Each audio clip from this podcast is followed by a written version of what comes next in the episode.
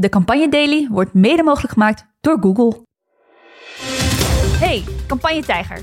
22 november organiseren wij de grote uitslagenavond in Utrecht. Met campagnegoeroes, politieke minicolleges, live duiding en muziek. Reserveer gratis je tickets via de website van Tivoli Vredenburg. Nog 12 dagen voor de Tweede Kamerverkiezingen. Het is vandaag vrijdag 10 november. Mijn naam is Pelle en leuk dat je weer luistert naar de Campagne Daily. Het kan ook zomaar zijn dat hij in die formatie zegt: Maar ik kon geen goede premierskandidaat vinden. Weet je wat? Ik doe het toch maar zelf.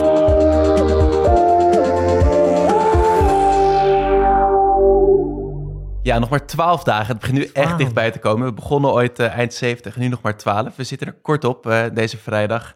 Ehm, en ik zit hier vandaag met Justin Kornef. Justin, welkom. Goedemiddag. Ja, niet alleen ik, maar ik denk dat al onze duizenden luisteraars echt heel benieuwd ben, zijn naar wat jij uh, gisteren hebt gegeten. Dus wat, uh, wat heb je gegeten gisteren, Justin? Oh, nou, ik, ik ging naar Ajax, dus ik moest, uh, ik moest heel snel zijn. Maar toen ik thuis kwam, stond er nog wat aubergine-stoof voor mij klaar. Lekker. Heel lekker. Nou, Justin heeft van gisteren... HelloFresh. Van HelloFresh. Nou, zijn ze even genoemd. Justin heeft gisteren aubergine-stoof gegeten. Um, en we zitten hier samen met Saskia Lomans. Saskia, welkom. Hallo. Jij bent politieke redacteur bij NOS Stories. Klopt. Heel leuk dat je vandaag bij ons wil aanschuiven. Ja, leuk dat ik hier mag zijn. Ja, uh, kijk naar deze campagne. Wat, uh, wat is de tendens een beetje wat jou betreft?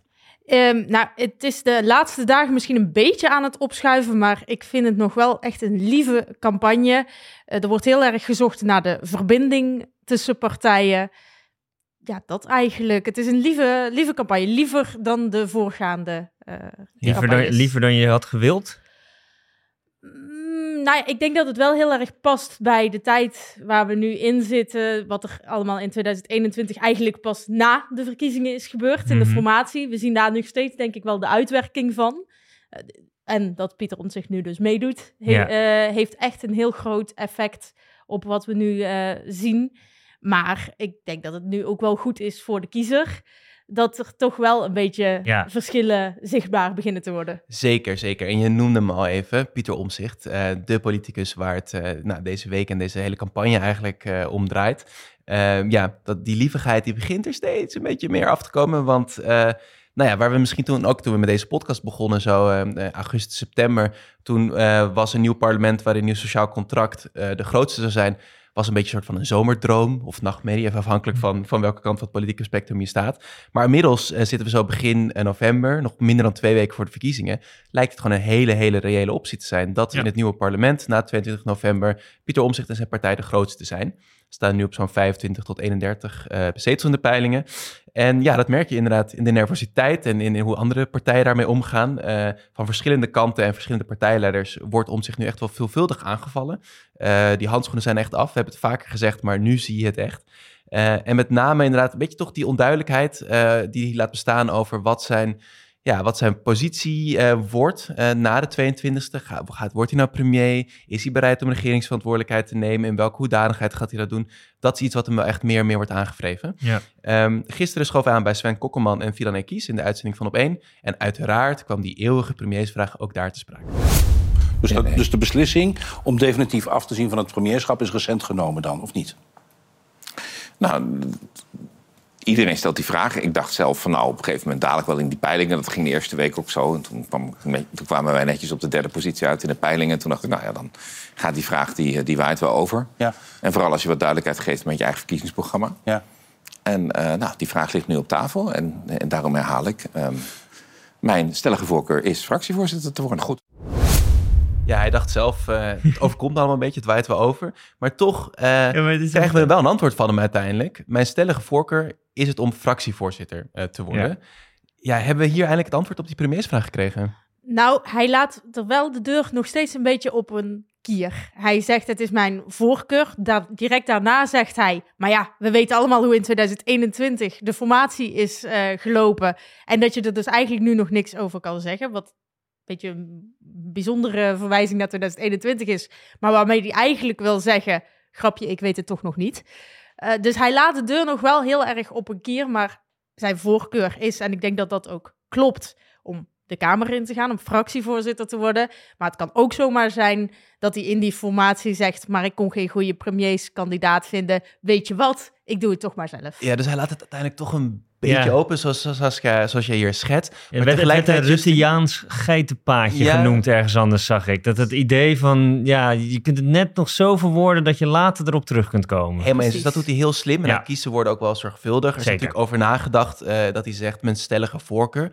Tegelijkertijd is dit wel het duidelijkste antwoord wat we van hem hebben gehad deze hele campagne. Vind ik ook. Dus het, het laat misschien wel wat zien dan, toch? Ja, ik vind eigenlijk wel dat hij op deze manier... Oké, hij, houdt, hij houdt iets van ruimte voor zichzelf. Kan altijd nog, maar ik vind voor het eerst in weken... Hij zegt zelf, die duidelijkheid gaf ik al een hele lange tijd. Nou ja, ik heb hem niet gehoord en volgens mij niemand niet. Maar in dit geval zegt hij echt wel... Zegt hij ook, oké, ga ik nu heel duidelijk zijn. Eh, ik wil fractievoorzitter worden. Ik wil die Kamer in. En ik vind het zo gek dat hij ook daarvoor zegt... Het, is, het lijkt me als kiezer of mijn potentiële stemmer een beetje vreemd... dat hij daarvoor ook suggereert van... ja, ik hoopte eigenlijk een beetje op die derde plek terecht te komen. Dat leek me eigenlijk heel prettig. Want eh, ja, dan hang ik daar een beetje... dan kan ik gewoon die Kamer in... en dan kijkt niet iedereen deed het zo naar. Ja, nu kijk ik wel naar Pieter Omzicht en denk... veel wat die man doet is strategie. Hij is echt door de wolf geverfd eh, in Den Haag. Eh, dus dat soort uitspraken denk ik, ja, oké, dat, dat snap ik. Dat is misschien ook wat de kiezers graag willen horen. Maar ja, ik heb toch het gevoel dat we hier echt een beetje echt omzicht kregen te ook. zien met die vraag van... Ik, ben, ik was eigenlijk altijd van de overtuiging, hij wil, het, hij wil het stiekem wel doen of hij gaat het doen. Maar nou, gisteren ben ik toch een beetje gaan twijfelen en denk ik, als, het, als hij echt kan kiezen, dan gaat hij het niet doen. Dat denk ik ook. En waar hij aan refereert van ik ben toch altijd duidelijk geweest, is het moment dat hij zijn partij aankondigde. Toen zei hij, en ik wil niet de grootste worden, want we hebben de LPF gezien, loopt niet goed af als je vanuit het niets, bam, eh, de Ja. grootste wordt. En eh, hij zei daarbij ook, en ik wil ook geen eh, premier worden, want dat lijkt me ook onverstandig. Maar eigenlijk de campagne, hij kreeg zo de wind in de zeilen, dat hij zelf die verwarring is gaan scheppen door te zeggen, nou ja, want toen kreeg je die premiersvraag eh, de eerste keer. En toen zei hij, nou, het bevalt me eigenlijk wel. Ik begin het steeds leuker te vinden Ja. met een grote grijns op zijn gezicht. En daardoor is hij zelf die, verwa- eh, die verwachting gaan Ja. scheppen. En die verwarring daar ook bij. Ja. Dus dat is een beetje misschien organisch ontstaan. Misschien ook wel, Ja. wel zo lijkt het. Of dat nou spin of, of echt is. We will Ja, never het, know. Ja, het is ook het is moeilijk, want we, we zeiden ook al tegen elkaar van het is de media helpt er natuurlijk ook ontzettend Tuurlijk, aan mee. tuurlijk. En dat zijn wij ook zo gezegd. Wij zitten hier ook in deze microfoon het weer erover te hebben. Ja. Ehm, ik moet wel zeggen dat ik gisteren dus bij opeens zag ik een ander duidelijk antwoord voor het eerst, denk ik. Mhm. En ik merkte ook, ook wat ergernis over hem, dat hij daar weer een beetje zo, een beetje smurky. Ja, en ik zou zitten kijken van, joh, hebben jullie ook allemaal dat heerlijk aan dat touwtje? Hè? Dat is, Ja, niet. zeker. Je merkt zeker op X en of dat nou echt zijn stemmers zijn die dat erg Mm. vinden of meer andere partijen die Ja, nerveus willen. We zullen het niet helemaal weten. Toch is het wel interessant eh, wat je zegt, Justin, want eh blijkt wel ook dat die onduidelijkheid die hij daarover laat bestaan, dat kan ook wel een potentieel risico zijn. Eh, inderdaad, we hadden het refereerde gisteren ook even aan. RTL Nieuws onderzocht onder een eigen panel, moet ik er gelijk bij zeggen, dat 58% van de aanhang van uw sociaal contract wil dat omzicht premier wordt. Dat is echt een groot percentage. Sorry, welk percentage zei je? Eh, oh, sorry, 85. Kijk, goed dat je scherp bent. 85. Dus dat is, eh, dat is een hoop. En tegelijkertijd ziet slechts 40% het zitten dat iemand anders namens de Partij van Omzicht premier zou worden. En 44% vindt het oké als een andere partij in een regeringsconstellatie met omzicht dat levert. Dus ja, het zijn toch wel duidelijke cijfers. En waar je Ja. van denkt, ja, het is ook een potentieel risico om die onduidelijkheid tot 22 november te laten ontstaan. Het is een risico, maar ik denk ook als je kijkt naar de peiling waar hij nu dus inderdaad eh, zo gestegen is weer eh, met die twee zetels. Ik denk dat zijn kiezers het in die end niet heel erg vinden. Ik denk niet dat als hij 23 november concludeert, ik ga het toch niet doen, dat dan de mensen die op hem gestemd hebben echt zeggen, nou, wat een verloren stem dit. Ik denk dat dat niet is waar mensen de keuze van af laten hangen, NSC of niet. Ja, dus dat is wel een luxe positie. Wat denk jij, Ja. Justin? Gaan we het nog horen voor 20 november? Of was dit wat we krijgen? Nou, ik, eh, ik zat nog wel te denken, dit is natuurlijk wel voer voor de, de andere partijen. Even puur campagne, campagnematig kan ik wel, dit kun je gaan gebruiken als VVD of als eh eh PvdA GroenLinks, om, om ook te laten, eigenlijk hem weer te dwingen van, "K- besluit nou eens een keer iets. Ja. Die besluiteloosheid, die wordt hem nu al een beetje verweten. Dus, maar je kunt straks ook met zo'n onderzoek gaan zeggen, ja, maar zelfs je eigen stemmers willen dat je, dat je een besluit neemt. Hey, we- we- wat gaat er gebeuren? Dus duidelijk een risico. Ik, vind, ik zie een risico, Ja. maar... Nou, Het is zeker, ik heb wel vaker risico's ja. bij hem gezien. En om heel eerlijk te zijn, hij is er ook altijd wel weer doorheen gewandeld. Dus, I don't know. Ja. Nou, dat, dat is het. Het is voor de andere partijen zeker een stok om mee te slaan. Net zoals die doorrekening. Je ziet eigenlijk, er zijn twee dingen waar ze hem op pakken. En waar ze hem ook continu op blijven pakken. Dat je op een gegeven moment zoiets hebt van, ja, dat weten we nou wel. Omdat ze hebben maar twee stokken om mee te Ja. slaan. Die doorrekening en de premiersvraag. Ja. Dus dat zullen ze ook consequent blijven doen. De vraag is, de mensen die op NSC willen stemmen, liggen die daar nou echt wakker van? Ja, En dus dat is de maakt grote campagnevraag, denk ik, deze laatste twee weken. Dat is iets wat hij vaker gaat horen. En de vraag is, blijft het plakken, ja of nee? Ja. ja. Voordat we verder gaan met de campagne daily, moet ik eerst een daily struggle delen. De daily gaat elke dag om 4 uur live. En dat is nog precies het tijdstip dat ik ga nadenken over wat ik moet eten vanavond. Maar elke keer is het eigenlijk gewoon krekels. Ik heb geen idee. Echt? Daar heb ik dus echt nooit last van. We hebben thuis Hello Fresh en één keer per week kiezen wij dus al wat we eten de hele week. Eh, de ene week eh, gaan we voor paddenstoelen risotto of een linguine met boerenworst. En de andere week gaan we voor stir-fry met udon noodles of een pokeball. Het scheelt echt weer een tripje naar de supermarkt en je zet het super snel op tafel. Nou, dit klinkt echt als de oplossing voor mijn daily struggle. En we hebben goed nieuws, want onze vrienden van HelloFresh hebben een speciale kortingscode die we met jullie kunnen delen. Met de kortingscode HelloDaily bespaar je tot wel 90 euro op je eerste vier boxen. En in de show notes vind je gewoon de link. Gaan we eh, volgen. Eh, er was veel meer campagne-nieuws, eh, zo eh, twee weken voor de verkiezingen. Ik wil even een kort rondje langs de campagnevelden met jullie maken. En ik wil beginnen bij Christoffer en de SGP. Die zocht namelijk nadrukkelijk de confrontatie op in de campagne de afgelopen dagen. Zo koos hij ervoor om gisteren bij een abortuskliniek in Rotterdam langs te gaan, of in ieder geval bij de voordeur daar, en in gesprek te gaan met demonstranten die daar staan om vrouwen aan te spreken en hun wellicht op andere gedachten te brengen als een abortus overwegen. Veel ophef rondom gekomen. Eerder deze week eh, was hij op Radio 1 te gast. Daar mag, mag iedere lijsttrekker een verzoeknummer indienen. Toen wilde hij, graag het Israëlische volkslied aanvragen. Ook dat leidde weer tot veel commotie. Ja, toch een beetje, ja, zien we hier een trendbreuk in, in, in campagnestijl. Met Christoffer die Kees van der Staaij opvolgde na, eh, na jaren eh, zelf lijsttrekker geweest te zijn, Kees van der Staaij. Is dit echt een andere SGP die we nu zien? Qua standpunten zeker niet, want Kees van der Staaij vond precies hetzelfde. Alleen inderdaad de zichtbaarheid en het, nou ja, misschien meer het provocerende eh, wat Christopher hier deze week toch wel doet. Dat is wel iets wat ik bij Kees van der Staaij weinig eh, gezien heb. Heel af en toe zat hij bijvoorbeeld in een talkshow en dan zei hij iets over abortus of euthanasie of over vrouwen. En dan schrokken mensen daar echt heel erg van. van wat zegt hij nou dan? Terwijl dat vond die man al heel lang, al eh, zijn hele politieke Zolang carrière. SGP bestaat misschien. Precies. Eh, maar ik denk niet dat als Christopher nu bij een talkshow aanschuift en iets zegt over abortus of over vrouwen, dat mensen daar nog heel erg van schrikken. Dus dat eh, geeft wel aan dat bij hem duidelijker is, yo, dit is wat ik vind.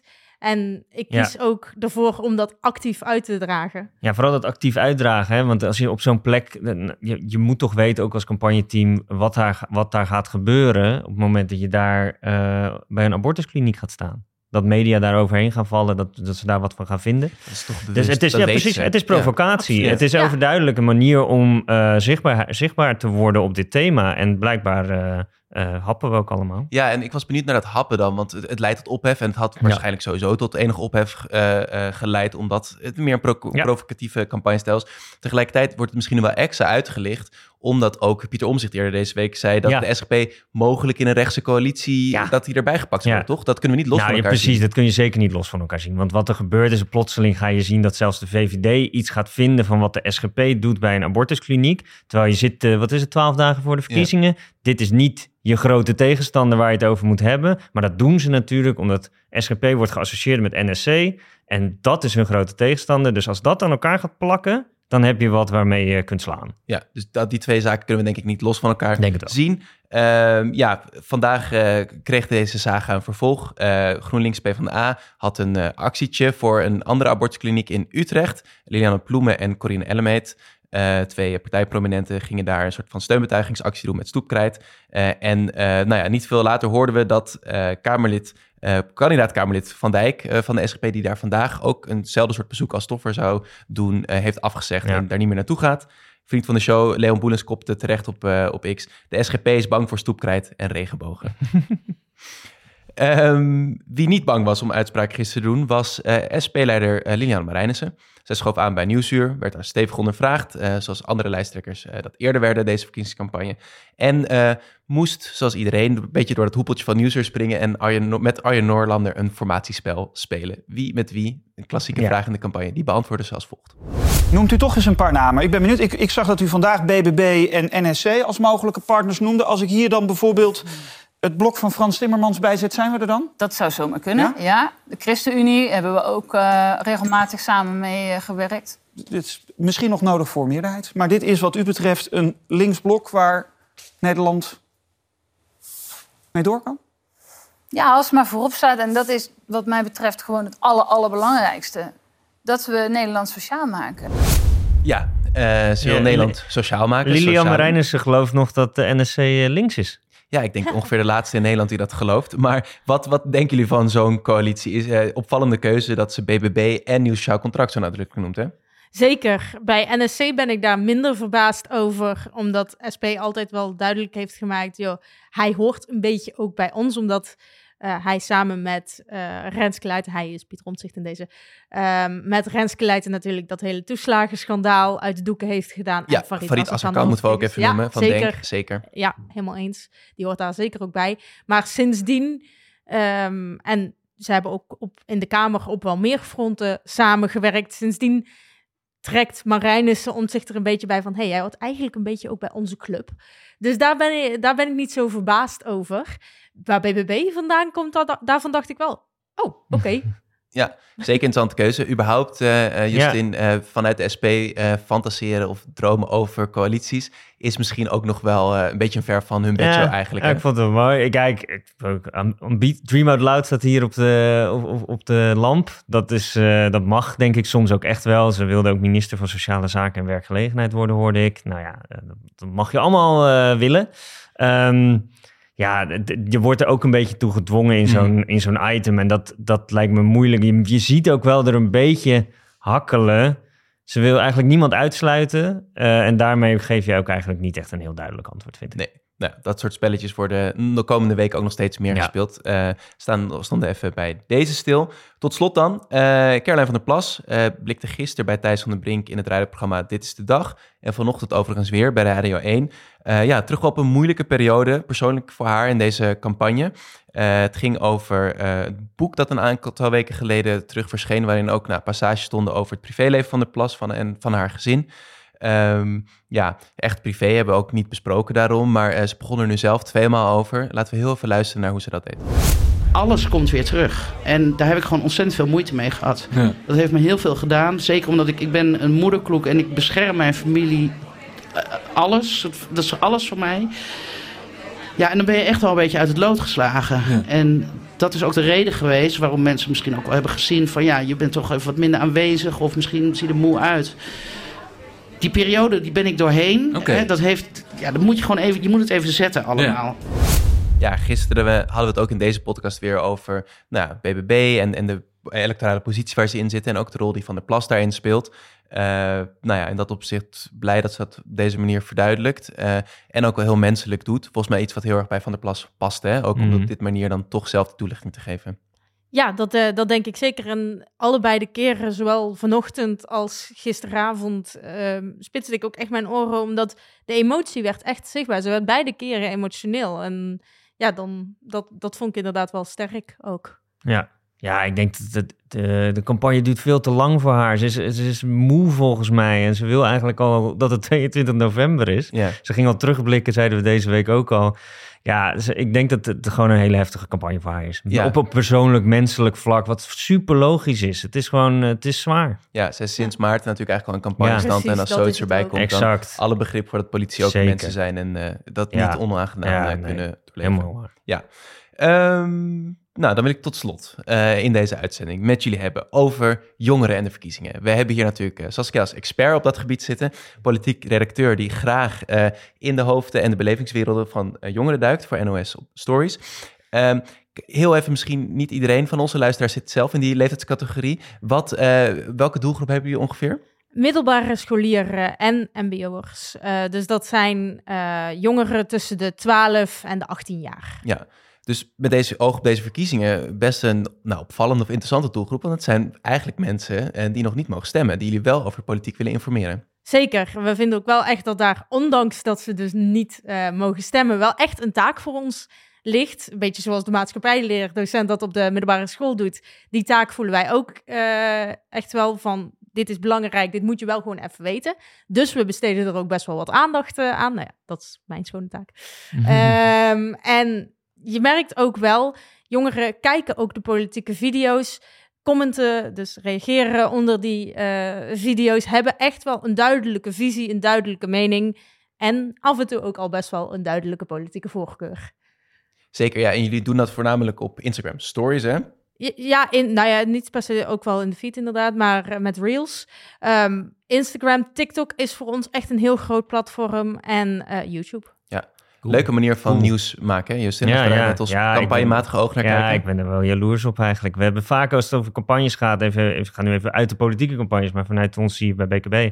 Ja, jongeren zijn een ontzettend interessante doelgroep. Dat is waar je eerst informeert en waar je meningen vormt. En die wil je graag bereiken en betrekken. Super moeilijk, want ze zijn all over the place. Dat, daar kun jij misschien meer over vertellen. Maar ja, ik ben daar wel jaloers op. Ja, ja dus uh, NOS Stories doet dat nadrukkelijk. Uh, misschien even concreet dan, uh, waar houden jongeren zich zoal bezig mee in deze verkiezingstijd? Want ik kan me voorstellen dat de content die jullie maken roepen vragen op, uh, interesses.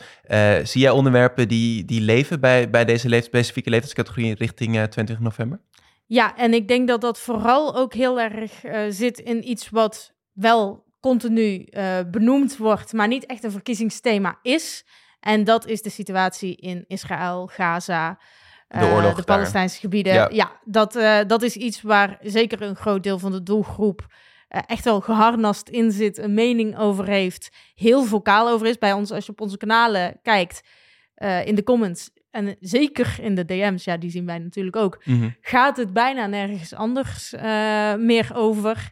En nou ja, we hadden toevallig uh, van de week in uh, de ochtendvergadering, we vergaderen dan iedere ochtend met alle uh, redacteuren die die dag aan het werk zijn, hadden we het erover, goh, jongeren roepen ook echt influencers, de mensen die zij belangrijk vinden op, laat je hierover horen, spreek je uit, bekijk kleur. Mm -hmm. En um, ja, dat verwachten ze eigenlijk niet minder van de politici. Nee. Interessant. Ja, ja, zeker. Ja, en ook wel begrijpelijk dat dat iets is wat in, ja. in hun belevingswereld natuurlijk ook heel groot uh, Ja, maar is. volgens mij was er wel ook een onderzoek geweest laatst waarbij uh, de oorlog uh, in Israël-Gaza werd genoemd over algemeen publiek, breed ja. publiek, dat het niet enorm invloed had op hun stem. Dus dat vind ik interessant. Dus op een of andere manier is bij jongeren echt een enorm vocaal thema waar, waar ze het over willen hebben. Ja. Maar misschien wat breder, wat oudere generaties misschien denken, nou ja, voor mij maakt het minder uit? Nee, van het stem bepalen. En deze En de groep mag natuurlijk niet ja, eh, dat is stemmen. waar. Maar ja, interessant. En anders is er nog eh, los van deze oorlog iets anders? Wat, wat je zou zeggen, nou, dat is wel iets waar jongeren misschien meer dan oudere kiezers eh, bij betrokken zijn. Een onderwerp waar ze over nadenken. Nee, ik weet niet meer dan oudere kiezers, maar wel iets waar ze heel erg een mening over hebben, is natuurlijk klimaat. Mm. Of je nou voor of tegen eh, de klimaatmaatregelen eh, bent, of welke vorm van klimaatmaatregelen. Dat is iets waar ze ook heel duidelijk een mening eh, over hebben. En ja, heel duidelijk die ook laten horen. Ja. Ook een onderwerp wat ik niet super veel hoor in de Nee, in deze, we hebben het eerder in deze podcast ook over gehad dat het klimaat nog weinig op de politieke agenda staan. Uh, het geeft me wel een mooi bruggetje, want uh, in Amsterdam gaat uh, een grote groep mensen dat namelijk deze zondag wel proberen te doen. dan is namelijk de Mars voor Klimaat en Rechtvaardigheid, de Klimaatmars. nou, ja, verwachten tienduizenden mensen in Amsterdam die echt de straat op gaan om dit onderwerp richting 22 november nog Ja. meer op de politieke agenda te zetten. Ik heb begrepen dat eh, Greta Thunberg eh, uit Zweden eh, overkomt. Dus eh, we zullen denk ik ook veel... Eh, Zweedse hart heel snel van ja, kloppen. natuurlijk. Ik heb eerder gezegd meer Zweden in deze podcast. Nee, maar ja, eh, misschien even one to watch. Verschillende partijleiders Ja, die met haar op de foto proberen te gaan. Dat Ja. is natuurlijk Ja. wel een campagnemomentje.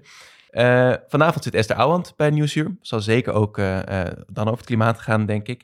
Eh, en uiteraard gaan wij dit weekend met veel interesse ook nog kijken naar zondagavond eh, tijdens het RTL-debat. Ja. Waar zes lijsttrekkers zonder Pieter Omtzigt en Frans Timmermans met elkaar het debat aangaan. Ik kan ook eh, het primeurtje weggeven dat we eh, weer gaan nabeschouwen, zoals we dat ook vorige week eh, zondag deden. Dus hou ook die podcastfeed eh zondagavond in de gaten, want er komt een verse aflevering jullie kant op dan. Of maandagmorgen. Of maandagmorgen als je dan ligt te slapen.